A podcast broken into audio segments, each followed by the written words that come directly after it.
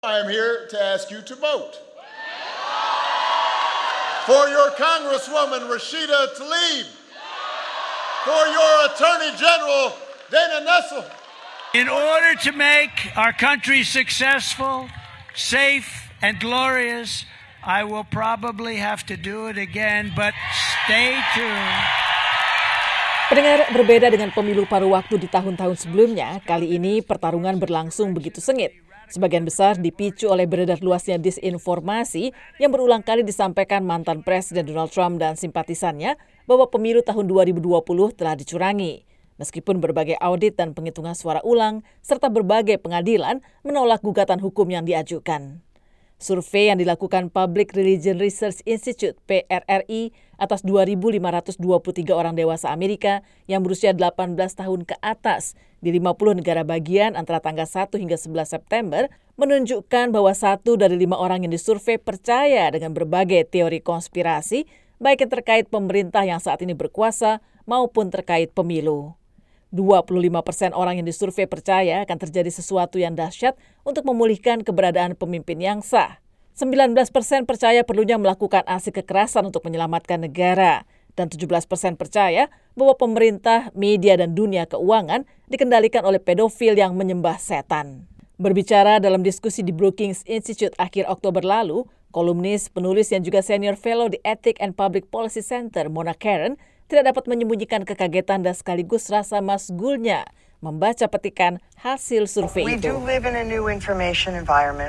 Kita hidup di lingkungan informasi yang sama sekali baru, di mana ada bentuk media baru, hasutan-hasutan yang bisa membuat Partai Republik lebih memusuhi Partai Demokrat dan sebaliknya lebih curiga terhadap pendatang baru, lebih khawatir pada kondisi ekonomi dan sebagainya. Tetapi hasil survei tentang QAnon memusingkan kepala saya. Saya bacakan kalimat pertama dari hasil survei ini ya bahwa pemerintah, media, dan dunia keuangan Amerika dikendalikan oleh pedofil pemuja setan yang menjalankan operasi perdagangan seks global dan 27 persen Partai Republik percaya dengan hal itu. Ini jauh di luar politik normal. Ini jenis pemikiran yang kacau yang ada di dalam masyarakat yang tidak stabil. Ini adalah mimpi buruk di zaman dan negara yang diberkahi ini. Serangan terhadap suami Ketua DPR Nancy Pelosi di kediamannya di San Francisco pada 3 November lalu semakin memperkuat kekhawatiran akan iklim politik yang meresahkan saat pemilu paruh waktu kali ini. Tak heran jika Presiden Joe Biden menyampaikan peringatan keras merujuk hal itu. This intimidation, this violence against Democrats, Republicans, and Intimidasi terhadap Demokrat, Republikan, dan petugas-petugas non-partisan yang hanya melakukan pekerjaan mereka adalah konsekuensi dari kebohongan yang disampaikan demi kekuasaan dan keuntungan, kebohongan tentang konspirasi dan kebencian, kebohongan yang disampaikan berulang-ulang yang memicu siklus kemarahan, kebencian, kata-kata kasar, dan bahkan kekerasan. Kita harus menghadapi kebohongan itu dengan kebenaran. Masa depan kita bergantung pada kebenaran. Kita sedang menghadapi saat yang menentukan. Kita harus berbicara dengan satu suara yang luar biasa, berbicara sebagai sebuah negara dan mengatakan tidak ada tempat untuk intimidasi pemilih atau kekerasan politik di Amerika. Apakah itu ditujukan pada Demokrat atau Republik? Tidak ada tempat untuk itu. No place period. No place ever di wawancara secara terpisah, pengamat hubungan internasional di Universitas Indonesia, Dr. Susi Sudarman mengatakan, partai yang berkuasa memang kerap kehilangan sebagian kursi di Kongres dalam pemilu paruh waktu, karena mereka berhadapan langsung dengan isu-isu strategis yang menjadi keprihatinan warga. Jadi rakyat Amerika itu simplistik aja. Mereka merasa hidupnya susah. Tadinya bensin itu tidak 4 dolar lebih, sekarang jadi 4 dolar lebih seperti tahun 2008 dulu ya. Mm -hmm. Jadi untuk mereka itu sangat me membantu meningkatkan pengeluaran. Padahal kan pengeluaran ini penting untuk menjalankan economic growth juga di Amerika. Jadi consumer itu helps economic growth and it's nearing Thanksgiving, it's nearing Christmas. Ini kan sebetulnya ada semacam era yang pem, seperti pembentukan fascisme di Eropa dulu. Jadi ada kelompok yang uh, gonjang-ganjing, terus ada pemimpin yang memanfaatkan situasi yang tidak stabil itu untuk menyatakan I am the solution. Yeah. Only I know, only I can do it. Ngerti nggak? Itu kan yeah. diskursus diskursusnya Donald Trump. Yeah. Jadi yang yang kurang dari Demokrat itu karena terlalu soft, terlalu uh, compassionate, sometimes being compassionate is a losing streak.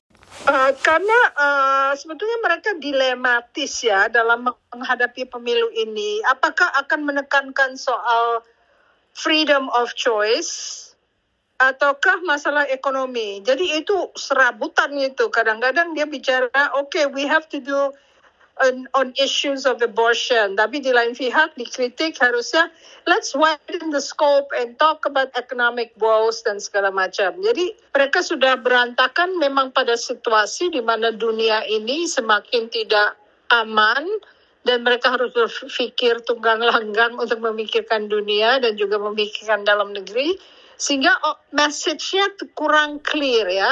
Mengingat sengitnya pertarungan, para pakar politik mengatakan Partai Demokrat kini berjuang keras untuk memitigasi dampak negatif jika kehilangan kursi mayoritas di DPR dan Senat.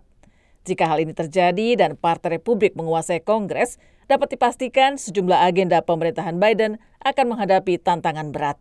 Partai Republik juga telah mengisyaratkan ketertarikan untuk menyelidiki beberapa hal terkait pemerintahan Biden, antara lain soal penarikan mundur pasukan Amerika dari Afghanistan yang kacau pada Agustus 2021, kebijakan penanggulangan COVID-19, kebijakan penanganan migran di perbatasan, dan bisnis putra Presiden Joe Biden. Partai Republik hampir dapat dipastikan akan membubarkan komite menyelidiki serangan para pendukung Trump di Kongres pada 6 Januari 2021 dan kemungkinan akan membentuk komite baru untuk menyelidiki peran Ketua DPR Nancy Pelosi dalam mengamankan Kongres ketika itu. Beberapa kebijakan legislatif juga akan dikaji ulang, antara lain Parents Bill of Rights yang mengatur tentang hak orang tua dan wali atas pendidikan anak di tingkat sekolah dan menengah atau anak-anak di bawah umur, pemangkasan anggaran pengeluaran, dan pengalokasian anggaran yang lebih besar untuk mengatasi isu di perbatasan dan peningkatan polisi. Hingga laporan ini disampaikan, lebih dari 40 juta orang telah memberikan suara lebih awal sebelum TPS-TPS dibuka resmi 8 November ini. Saya Famis Reva, VOA, Washington.